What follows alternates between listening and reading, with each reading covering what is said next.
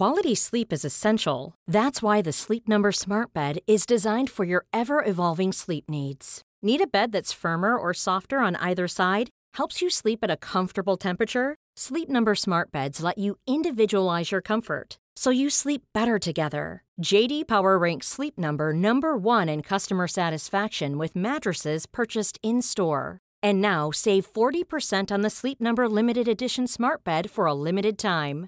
For JD Power 2023 award information, visit jdpower.com/awards. Only at Sleep Number stores or sleepnumber.com.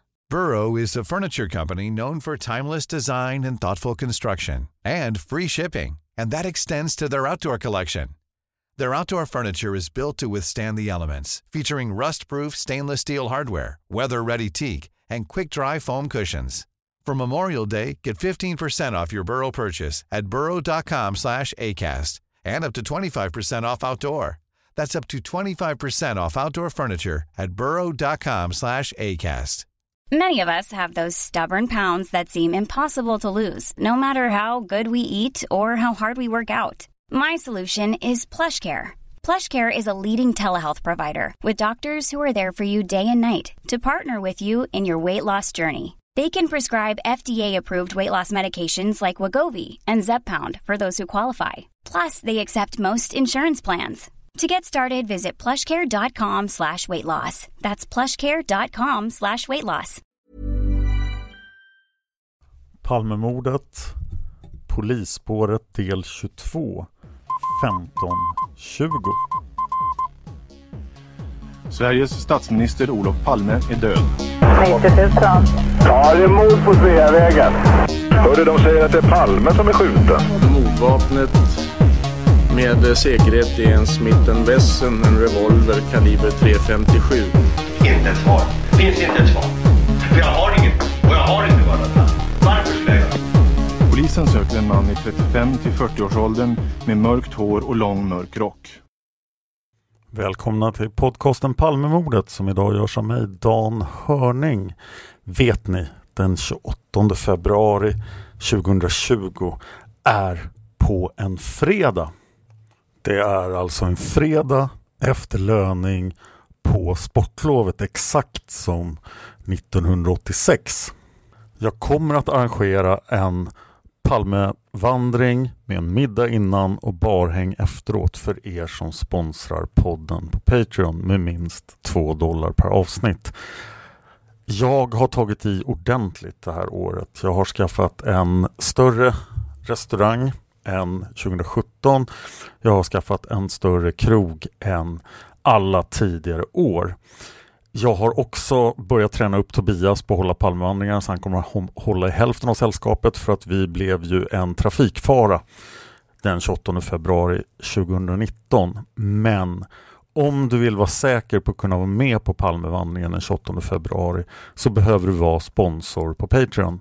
Patreon.com Palmemordet och det enda sättet jag kan garantera att du kan vara med är att du gör följande. Du blir sponsor på Palmemordet på Patreon innan den sista oktober 2019 och fortsätter vara det då framöver.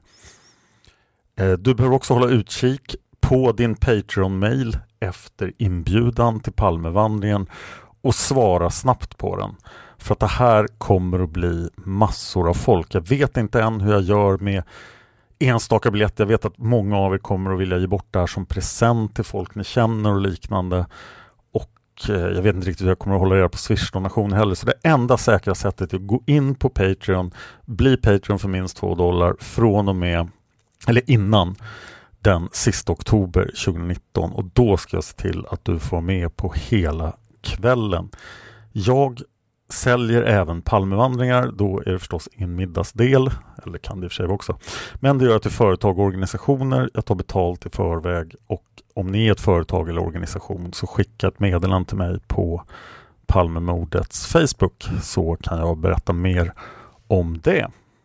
En till formalia sak innan vi börjar prata om Palmemordet. Det är att vi kommer att spela in avsnitt 200. Det kommer att vara en panel som vi gjort tidigare jag har lagt upp en frågetråd på Palmemordets Facebook där ni kan ställa frågor till panelen.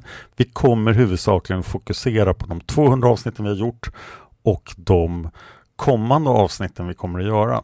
Men ställ era frågor där, ni kan även fråga saker om mordet och sånt så ska vi diskutera det. Jag kommer stänga tråden eh, den 10 oktober så att eh, det är bra om ni svarar innan dess och ställer era frågor. De finns på Palmemordets Facebook. Nu kör vi igång. Och först har jag fått ett svar från lyssnaren David vad gäller meänkieli, alltså Tornedalsfinska. Lyssnaren David säger Ja, jag talar finska med, meänkieli, halvfinne, har finsk tjej, finsk mamma, talar okej okay finska, inte riksfinska.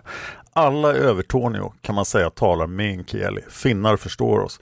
Men vi talar finska som svenskar gör, säger min tjej. Vi kan bra finska. De flesta äldre pratar ju bara finska, som min farsa till exempel. Och han är svensk. De äldre här pratar ju finska meänkieli, med varandra. 70-80-talister pratar svenska med varandra oftast. Får du hem till någon så pratas det finska av den äldre generationen om du förstår finska. Lite kul ändå, jag är uppvuxen så, så det är normalt för mig. Min släkt är från Apua i Övertorneå. Där pratas det finska bara, men alla kan svenska också. Och det var ju förstås i relation till polisman L och hans finska färdigheter. Men det här avsnittet handlar om kommissariebil 1520. En befälsbil. Vid tiden för Palmemordet den 28 februari 1986 klockan 23.21 sitter kommissarie Christian Dalsgård och hans chaufför Thomas E i kommissariebil 1520. Vilka är då det här? Christian Dalsgård är 45 år gammal vid mordet. Thomas E är 33 enligt vitboken. Men mina uppgifter tyder på att han faktiskt bara är 27 år gammal vid Palmemordet. Thomas E är från Stockholmstrakten. Christian Dalsgård är född i Danmark. Christian Dalsgård är alltså näst högsta befäl ute på fältet den här natten. Han har sin grundplacering vid Södermalmspolisen, alltså vid VD3. Han är inne i en svaromålsperiod, det vill säga han gör speciella uppgifter för att få en högre tjänst. Och för att fullföra den här svaromålsperioden så tjänstgjorde han i flera månader innan mordet i en så kallad svaromålstjänst på Norrmalmspolisen, alltså VD1. Och det här är ett naturligt led i hans utbildning uppger han själv i Polisspåren del 2 som ni kan hitta på Youtube. Det finns en väldigt intressant intervju med Christian Dalsgård där. Dalsgård är tjänstlidsplacerad som yttre befäl i Stockholm city men han är alltså bara näst högst på fältet. Han är underställd Gösta Söderström, kommissarie Gösta Söderström från VD2. Christian Dalsgård och hans chaufför Thomas E känner inte varandra. VD1 är ett stort polisdistrikt. En polisinspektör har planerat alla arbetspass och det är han som har satt Thomas E som Dalsgårds chaufför. Dalsgård uppger själv att han vet först när han går på passet vem som är hans chaufför. Och det är förmodligen inte jätteviktigt för honom vem som är chauffören, bara det är någon polis som kan köra bil och vet vad han gör. Och många har reagerat på att Thomas E har tagit extra tjänstgöringspass. Det här tror jag inte är möjligt idag men han tjänstgör i 21 timmar totalt. Många har också reagerat på att Thomas E känner polisman D och polisman E. Men det har vi anledning att återkomma till. Vad hände då 1520? Varför är det här relevant för Palmemordet? Ja, vi ska börja med att lyssna på vad kommissarie Christian Dalsgård säger själv. De här uppgifterna kommer från ett PM från den 3 mars 1986. Stockholms polisdistrikt, ordningsavdelningen, första polisvaktsdistriktet. PM till chefen O. Tjänstanteckningar från tjänstgöringen fredagen den 28 februari 1986. Tjänst enligt lista 1500 till 2400, alltså klockan 3 till midnatt. Jag Christian Dalsgård, tillförordnad poliskommissarie, tjänstgjorde som Y-ledare i första polisvaktsdistriktet den aktuella dagen. Jag hade tilldelats polisassistent 86-1 Thomas E som förare av RB SHA 1520. Distriktets ÖVS-personal hade tilldelats poliskommissarie Söderström, VD2, som för kvällen var chef för Citykommenderingen i RB-SA 2520. 2520 alltså Söderströms bil. Vi i 1520 inspekterade under kvällen ABAB samt besökte olika platser i distriktet som är kända oroshärdar. På T-centralen Norra var det som vanligt mycket folk, dock betydligt mindre än föregående veckoslut. Vi avvisade en skränande yngling samt gjorde någon ID-kontroll. På Klarabergsgatan vid Åhléns omhändertog vi en notorisk biltjuv för LOB. LOB är alltså lagen om omhändertagande av berusade personer. Så den här biltjuven blev alltså tagen för att han var full. Christian Dalsgård fortsätter. När han i sitt berusade tillstånd visade ett stort intresse för en parkerad Mercedes. På CST, jag antar att det är centralstationen, var det mycket folk i rörelse. Vi beordrade en fotpatrull att omhändertaga en berusad yngling för LOB, LOB igen. Ynglingen hade somnat vid hissarna vid ingången till centralstationen Klarabergsviadukten. Vid 23-tiden åkte vi till Kungsträdgården för att inspektera startplatsen för lördagens rallytävling och här står det några handskrivna anteckningar. De lyder som följer, tror jag. I Victoria Svanen. Vår bil vid sidan av Stads någonting. Vi var där 15 till 20 minuter. Sen fortsätter den maskinskrivna rapporten. Vi uppfattade att polisradion skickade en radiobil till Sveavägen Tunnelgatan med anledning av skottlossning enligt taxi. Så som vi uppfattade anropet drog sig ytterligare en radiobil mot platsen. Vår position var vid detta tillfälle Hamngatan Kungsträdgårdsgatan. Vi själva åkte Hamngatan Regeringsgatan och svängde in David Bagares gata. Denna färd gick ganska fort. Vi påkallade friväg endast i korsningarna och då endast med blått utryckningsljus. Under färden dit hörde vi att radiobil 2520, alltså Söderström, var på plats Sveavägen Tunnelgatan. Mitt på David Bagares gata observerar vi en mansperson i blå täckjacka komma gående i körbanan mot Regeringsgatan. Vi fortsatte ytterligare några meter till Malmskillnadsgatan där vi sammanträffade med minst fyra man ur Söderpiketen. Dessa hade dragna vapen.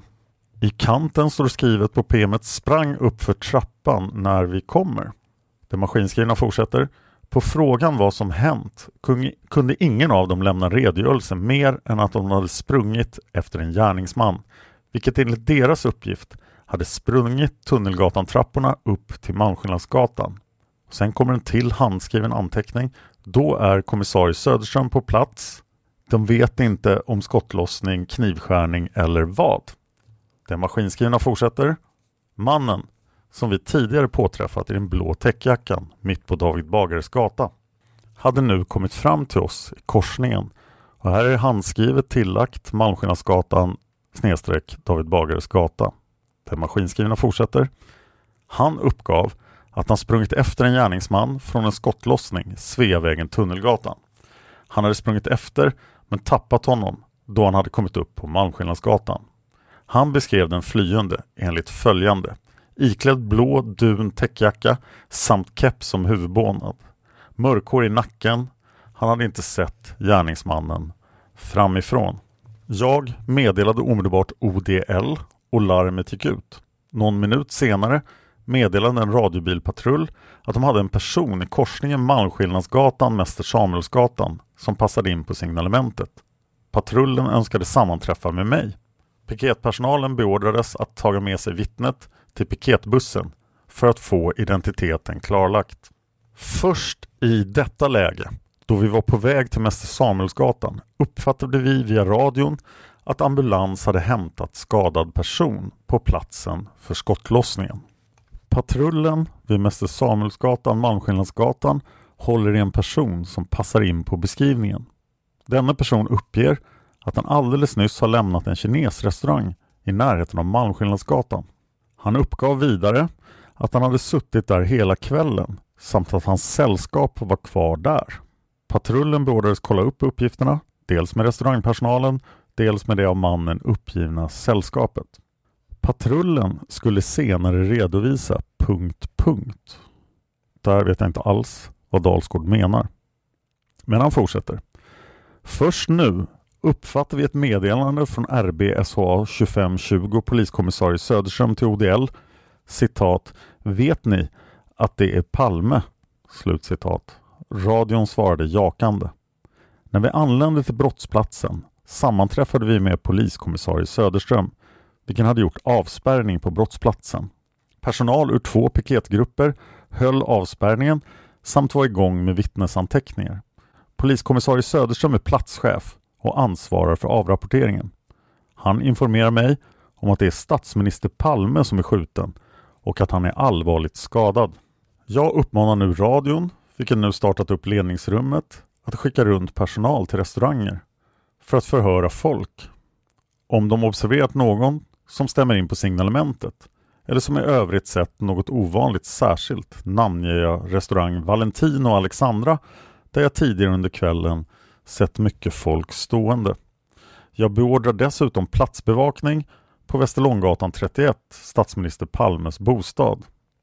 Jag har för avsikt att åka till sjukhuset för att organisera bevakningen där, men observera att poliskommissarie Kristiansson i RB SHA 1210 är på väg dit.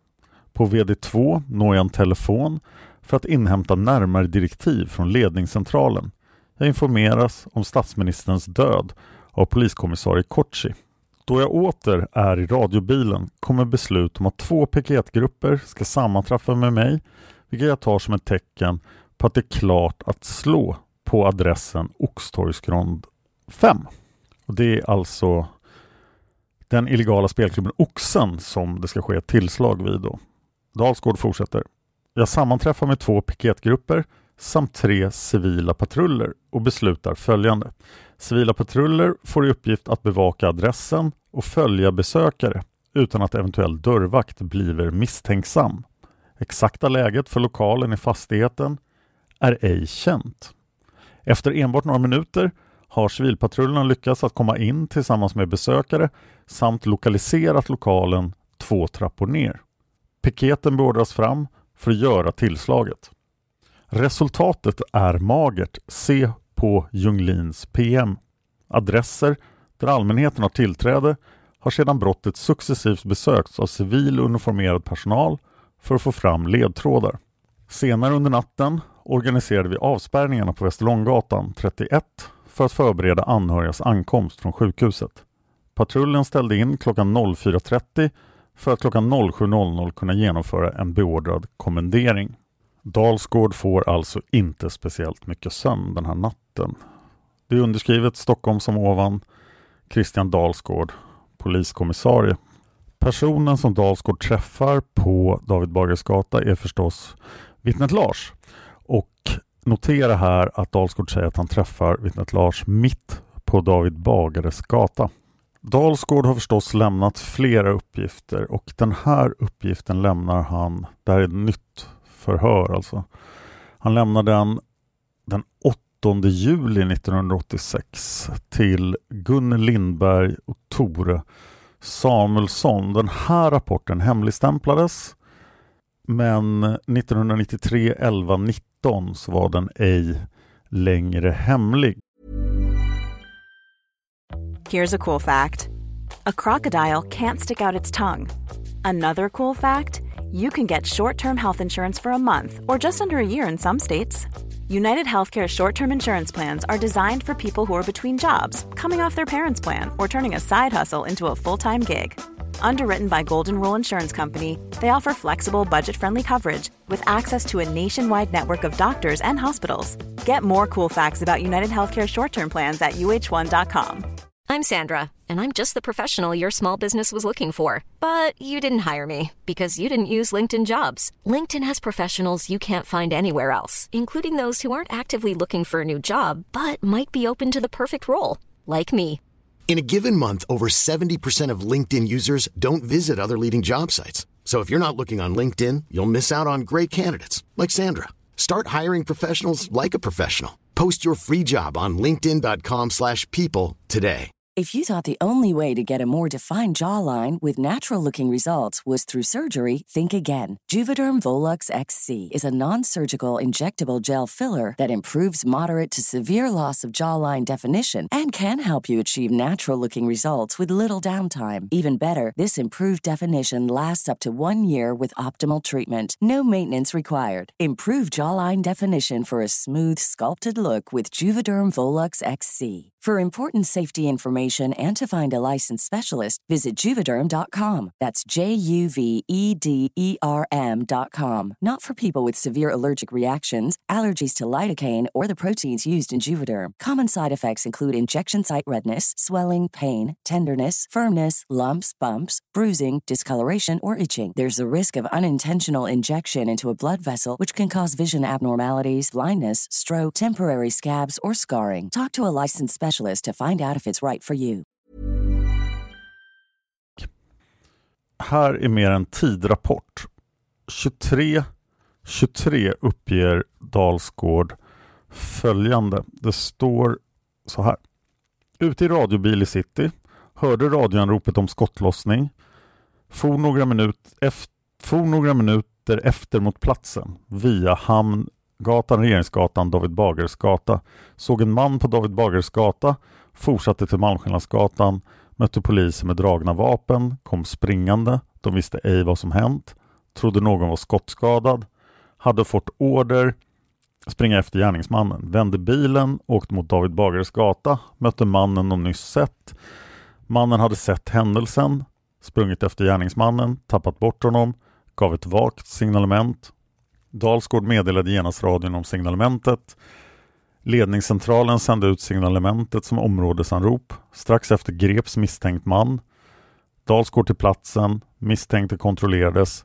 Dalsgård sände dessförinnan vittne till brottsplatsen med en polisman. Dalsgård visste ännu ej vad som hänt. Hörde kommissarie Söderström säga i radio Vet ni att det är Palme?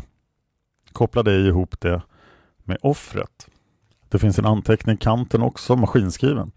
Dalsgård var så kallad Y-ledare, lika med yttre kommissarie och högsta polisbefäl med operativa funktioner i VD1 under mordnatten. Förhöret fortsätter 23.35 cirka. For till brottsplatsen, avspärrad, en eller två piketer.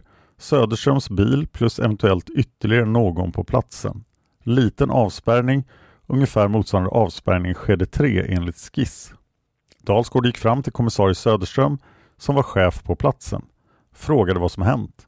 Söderström sa att Olof Palme var skjuten. Vittnet som Dalsgård tidigare talat med kom fram. Dalsgård frågade om han hade blivit hörd. Gav en polisman order att göra detta. Tror att några andra vittnen hördes samtidigt i en piketbuss. Bland annat en kvinna som var blodig. Dalsgård frågade Söderström om Söderström behövde hjälp eller om han klarade brottsplatsen. Söderström svarade att han klarade. Dalsgård var bara på brottsplatsen några minuter meddelade Söderström att Dalsgård skulle åka till VD2 för att ringa Kortsi i ledningscentralen. En civil polisman kom fram till Dalsgård innan han for. Sa att han var livvakt. Kunde han göra något? Dalsgård sa att han skulle anmäla sig till Söderström, chefen på platsen. Sa också att han borde anmäla sig till ledningscentralen. Tillfrågades om livvakten skulle ringa Olof Palmes livvakter. Svarade ja. Strax före klockan 24 ringde Kotschi för att diskutera taktiska uppläggningen. Kotschi bekräftade att Olof Palme hade förts till sjukhus, svårt skadad. Dalsgård gav Kotschi allmänna upplysningar om läget i city. Ganska mycket folk i rörelse, lugn trafik. Kotschi sa att han hade fullt upp med att ringa runt. Dalsgård frågade hur mycket personal som kunde disponeras. Kortsi kunde ej svara, skulle återkomma. Dalsgård och Kortsi överens om att styrkan ej räckte till att ringa in området. För lång tid hade gått efter skotten. Dalsgård ville ha in så mycket personal som möjligt till city, särskilt civil. talade bland annat med Kortsi om att utnyttja gatulangningsgrupperna. Dalsgård ansåg att man snabbt skulle börja fråga ut människor som befann sig i området. Alla iakttagelser av värde. Dalsgård kontaktade vakthavande Östermalm och sa till att personalen skulle stanna kvar efter ordinarie tid i avvaktan på besked. Dalsgård fick inga direktiv av Kotschi. Kotschi sa att polisledningen var på väg in. Dalsgård åkte ut igen mot brottsplatsen. Dalsgård gav direktiv till radion att sända ut så många poliser som möjligt. Angav områden som borde genomsökas. Hörde på radion att man började eftersök. Det verkade ske ganska planlöst. Uppfattade inget större system i det. Dalsgård fick fråga om tillslag fick göras på klubb på Oxtorget. For till VD1. Beordrade vakthavande att hålla kvar personalen efter ordinarie tid. Ringde Kochi. Kochi uppgav att han ej hade tid att prata. Bad Dalsgård vänta tills Sune Sandström hade anlänt till ledningscentralen. Dalsgård fick strax efter klartecken för tillslaget. Nästa notering i förhöret 01.00 till 01.30 cirka. Till ledningscentralen för att få information fick ej tala med Sandström som var upptagen med Hjälmrot. Talade med Kortsi och Hans Hylander, chef för VD1. Rörigt i ledningscentralen. Man förberedde anhörigas färd från Sabbatsberg till Västerlånggatan. Dalsgård sände mer personal till Olof Palmes bostad. For själv dit, utökade avspärrning, såg till att åskådare föstes undan. 04.00 Åter i VD1 satt där och väntade på direktiv från polisledningen. Det kom inga direktiv. Fortfarande personal kvar som gick på övertid. Sen följer en del av förhöret som heter anmärkningar. Den första anmärkningen är fredag och lördag kväll slås polispersonal i VD1 och VD2 samman till så kallad citykommendering. Leds av kommissarien i ett av VDna, mordnatten kommissarie Söderström i VD2, Y-ledaren i andra VD är då bara standby. Och det var alltså Christian Dalsgårds roll. Och anledningen till att en kommissarie från Östermalmspolisen, Gösta Söderström, var det högsta yttre befälet. Nästa anmärkning. Dalsgård anser att det är underligt att ingen från Krim kontaktar honom förrän långt efteråt, cirka två veckor. Anmärkning nummer tre. Dalsgård hade skrivit PM dagen efter mordet. PM hade ej nått Krim då Dalsgård kontaktades. Och det är jättemärkligt för det här första PMet vi såg och vi pratade om det var alltså från den 3 mars. Det är tre dagar efter mordet. Men Dalsgård hävdar då att han har skrivit ett PM den 1 mars 86 och det PMet verkar inte ha nått Krim. Det sista som står är Dalsgård har den 5 november 1986 tagit del av ovanstående redogörelse som han därvid godkände. Det var alltså Christian Dalsgårds egna historier. Om, vi ska återkomma till vad han säger själv senare. Men det här är ju en av de mest omtalade sakerna i polisspåret och för att förtydliga var, varför det är så så måste vi vända oss till vitboken igen. Och jag vill förtydliga att det här är åsikter som står för vitboken. Faktiskt åsikter som vitbokens upphovsmakare kommer bli stämda och fällda för och att vi på podden Palmemordet inte på något sätt delar deras uppfattning. Men vi ska återkomma till stämningen. Christian Dalsgård och Thomas E är alltså två av de fyra poliser som stämmer proletären och vinner. Så här säger vitboken. Thomas E och Christian Dalsgård är chaufför respektive befäl i polisbil 1520 natten då Olof Palme mördades. Det är polisbil 1520 som vittnet Lars möter på David Bagares gata strax efter mordet. Bara tiotalet sekunder efter den officiella tiden för områdeslarmet.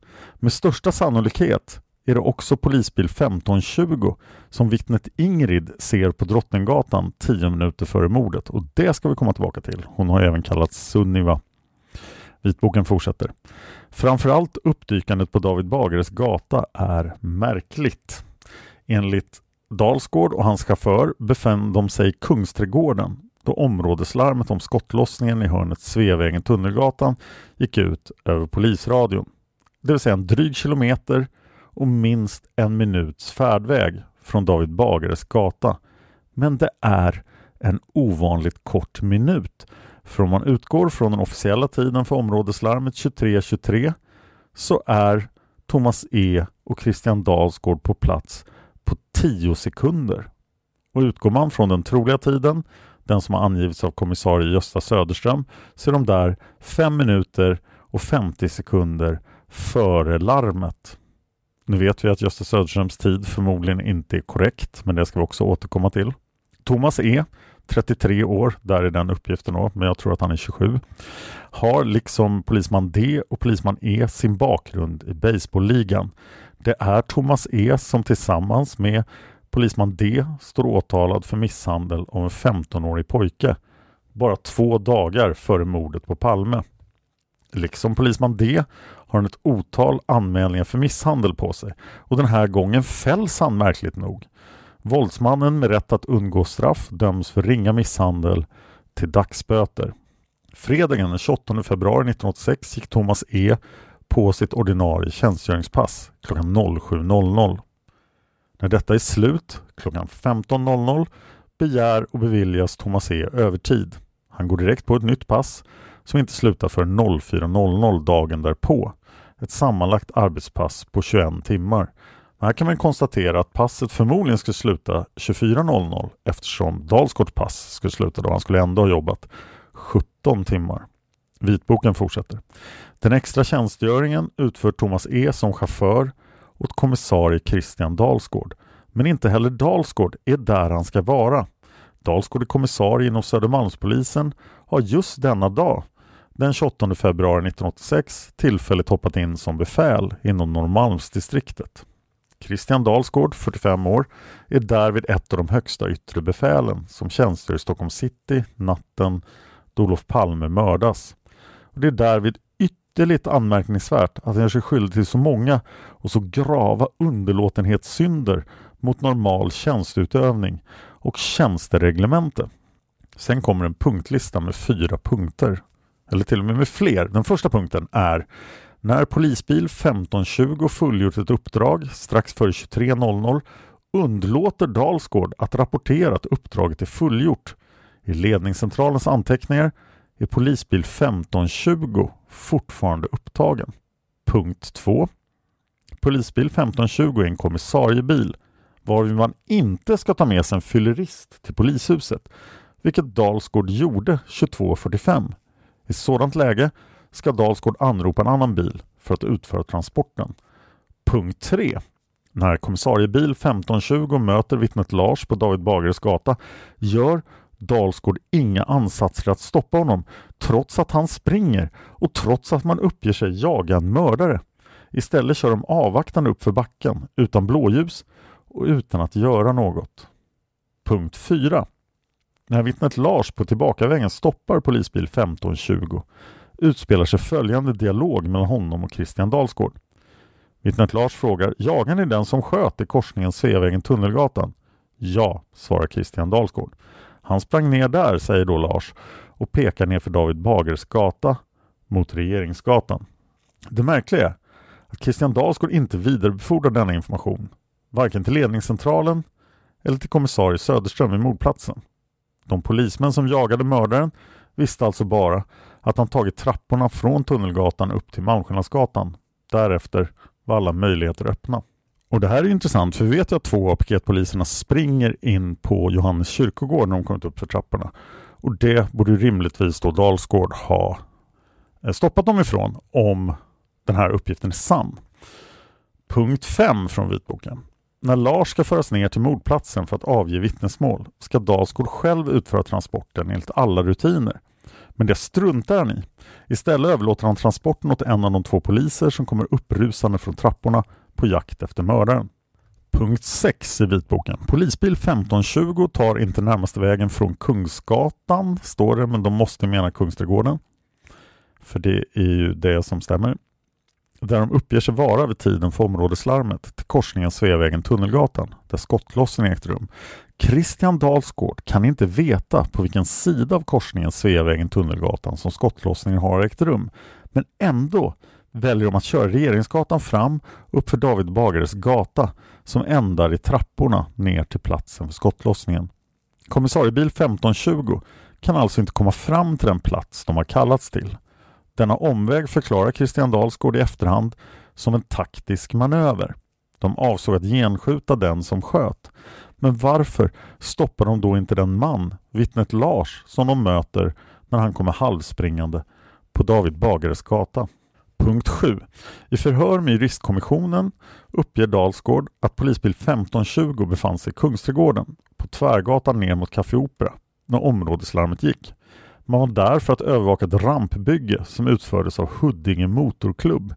Ingen i motorklubben har dock sett Christian Dalsgård eller Thomas E vid byggplatsen efter klockan 18. Citat, vi dröjde någon minut, sen stack vi, slutcitat, säger Dalsgård till juristkommissionen. När detta förhör hålls har vittnet Lars ännu inte framträtt inför offentligheten. Det gör han i radioprogrammet Kanalen några månader senare och då tvingas Dalsgård att korrigera sin berättelse. Då hävdar han citat Vi stack direkt när vi fick larmet. Jag är feltolkad av juristkommissionen. Varför måste Dalsgård korrigera sin berättelse? Jo, annars kan han omöjligen förklara sitt och polisbil 1520s uppdykande på David Bagares gata så tidigt som 23 då vittnet Lars som senast ser kommissariebilen svänga in från Regeringsgatan. Det hela håller ändå inte riktigt. Den officiella och med största sannolikhet falska tiden för områdeslarmet är 23.23.00 och det tar minst en minut från Kungsträdgården till David Bagares gata. Men kanske kan denna differens på minst 30 sekunder räknas in under felmarginalen. Men det här är inte fallet om man utgår från kommissarie Gösta Söderströms tidsangivelse för larmet 23.29. Vilket sannolikt är den korrekta och det är den då inte. Men det återkommer vi till. Då har polisbil 1520 inget att göra på David Bagares gata klockan 23.23.30. Åtminstone inte enligt de officiella rutinerna. Varför gör ett rutinerat befäl som Christian Dalsgård alla dessa misstag? Varför bryter han mot vedertagna rutiner och varför tvingas han korrigera de uppgifter han lämnat i förhör? Är det av tanklöshet, dumhet, oförstånd? Eller finns det en annan, mer logisk förklaring? Och nu är det vitbokens åsikter, kom ihåg det, inte den här poddens. Fanns polisbil 1520 på plats vid korsningen Regeringsgatan David Bagares gata långt i förväg? Inte som ett resultat av områdeslarm som kom långt senare, utan planmässigt och beräknat. Var syftet rent av att skydda en mördares flyktväg? En mördare som man på förhand visste var på väg, inte att jaga en mördare som man inte ens hade fått larm om. Frågorna hopar sig. Ligger svaret må hända i det faktum att Thomas E, chauffören i polisbil 1520, är nära vän och politisk meningsfrände? Frågetecken. Med polismännen D och E. Som några minuter efter mordet på Olof Palme sågs kliva på snedstreck uppträda vid buss 43 några kvarter från korsningen Regeringsgatan David Bagares gata. Och det är inte bara det här då som, som proletären råkar illa ut för i rättegången utan det är en hel del annat material också. Sven Aner, den legendariska privatspanaren, har också åsikter om 1520 och i Palmenytt publicerar han 1996 följande artikel som heter Är det bil 1520 som skyddas? Sven Aner skriver Klockan 23.23 .23 påstods Ulf H nu skickat den första polisbilen. Men varje HZ har en asterisk i då loggböckerna. Gösta Söderström förklarar. Om en larmtid avviker med mer än sju minuter från datorrummet, datoruret, det här är svårläsligt, i ledningscentralen sätter datorn omedelbart dit en asterisk. Sju minuter som Gösta Söderström anser utgöra manipulationens kärna. Den pensionerade poliskommissarien vill värja sig. Jag har anmält de ansvariga cheferna i ledningscentralen för manipulation. Men justitieombudsmannen talade med en kommissarie i Palmegruppen vartefter han beslöt att inte vidta några ytterligare åtgärder, säger Gösta Söderström. Varför vill man tidigare lägga larmet? frågar sig Sven ner. Gäller det att tysta ner avsiktligt och regementsvidligt agerande inom ledningscentralen? Och vill man dessutom skydda polisbil 1520 med slutsiffrorna 520? Ty då vittnet Lars ger upp förföljandet, går tillbaka till brottsplatsen, stöter han ännu en gång på polisbil 1520, den som tidigare körde förbi honom. Han hejdar nu polisbilen och frågar om de också letar efter mördaren. Från 1520 svaras ju, trots att mordet... Eller från 1520 svaras ja, trots att mordet inte kan ha varit känt vid den här tidpunkten. Förare i 1520 är Thomas E. Också högerradikal, också med flera anmälningar mot sig för misshandel i tjänsten. Det är först den här eftermiddagen som han bett om nattjänstgöring på radiobilarna. Den natt som skulle bli Olof Palmes mordnatt och det betyder att Thomas E får 21 timmars sträcktjänst. Ny rubrik 1520 på två ställen samtidigt. Uppgifterna från 1520, säger Sven ner om var bilen befunnit sig under mordnatten är motsägelsefulla. Bilen tycks ha varit på två ställen samtidigt. Mycket talar för att 1520 med Thomas E som förare är den vagn som strax före mordet stod parkerad under Sunniva fönster. Det var hon som vittnade och hon sett en polis som inte använde sin bilradio utan en walkie-talkie. Två dagar före mordet hade Thomas E och baseballpolisen D dömts för misshandel av en 15-årig yngling. I Palmemordet har Thomas E aldrig hörts. Så, i det här avsnittet kan vi konstatera att det som väcker intresset för kommissariebil 1520 är Christian Dalsgård och Thomas E's snabba ankomst till David Bagares gata. Att de inte stoppar vittnet Lars och kanske också deras koppling till VD3. Det vill säga Christian Dalsgård kommer från VD3. Det gör också personalen i Södermalmspiketen som ju också har hamnat i en oturlig situation som vi redan har pratat om. Och dessutom den här Ulf H som alltså sitter på sambandscentralen och koordinerar poliskommunikationen. Och granskningskommissionen såg det som viktigt att se över 1520. Och i nästa avsnitt ska vi höra vad granskningskommissionen kom fram till. Palmemordet finns på Facebook. Gå gärna in och likea där så kan du prata med mig och Tobias och alla andra. Du kan dessutom svara på den här avsnitt 200 frågetråden då om du hinner göra det innan den 10 oktober. Jag finns på Twitter och på Instagram. Följ mig gärna där så kan ni följa mina andra poddar som är Seriemördarpodden, Massmördarpodden, Seriemördarpodden Premium, Mördarpodden. Ja, jag gör fem mordpoddar, men inte bara mord. Jag poddar även om Harry Potter i Hard Nerd Café just nu, Nörd med E. Jag gör Sagan om Isfolket-podden. Jag gör en podd som nu finns på Acast som heter Dan Hörnings böcker. Där jag läser mina egna fantasyböcker. Så om ni gillar fantasy, lyssna på Dan Hörnings böcker. Jag har dessutom fortfarande en engelskspråkig podd som heter Fan of History där jag går igenom hela världshistorien från år 1000 före Kristus. Så mycket så gammaltestamentliga saker och Assyriska imperiet och sånt. Jag vill gärna ha iTunes-recensioner. Lyssnar ni på den här podden på en Apple-plattform så ge oss gärna iTunes-recensioner. Jag kommer att läsa upp alla dem i podden om inte Tobias gör det. Stort tack till alla som sponsrar den här podden på Patreon. Det är er förtjänst att vi har kunnat komma ut 192 veckor i rad i det här avsnittet. Det är faktiskt helt fantastiskt och någonting som ingen av mina andra poddar har lyckats med. Tack till Tobias för allt bra arbete han gör och tack till dig för att du lyssnar på Palmemordet. Man hittar Palmes mördare om man följer PKK-spåret till botten. Därför att ända sedan Julius Caesars tid har jag aldrig hört talas om ett mord på en framstående politiker som inte haft politiska skäl. Polisens och åklagarens teori var att han ensam hade skjutit Olof Palme. Och det ledde också till rättegång. Men han frikändes i hovrätten. Nu ska vi ut på rövarstråt. Ja, vi ska ut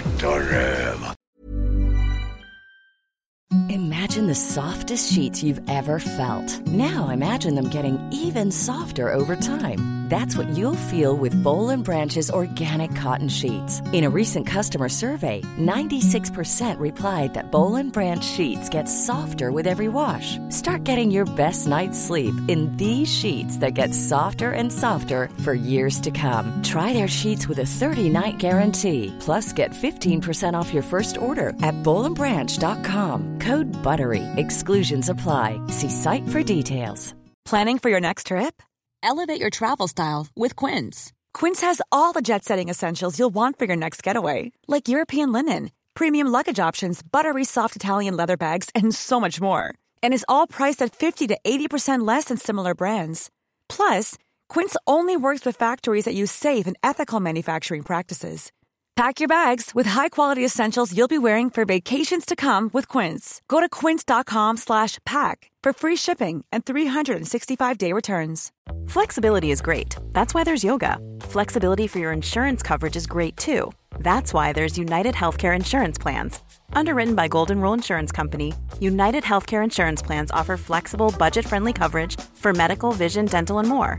One of these plans may be right for you if you're, say, between jobs, coming off your parents' plan, turning a side hustle into a full hustle, or even missed open enrollment. Want more flexibility? Find out more about United Healthcare Insurance Plans at uh1.com.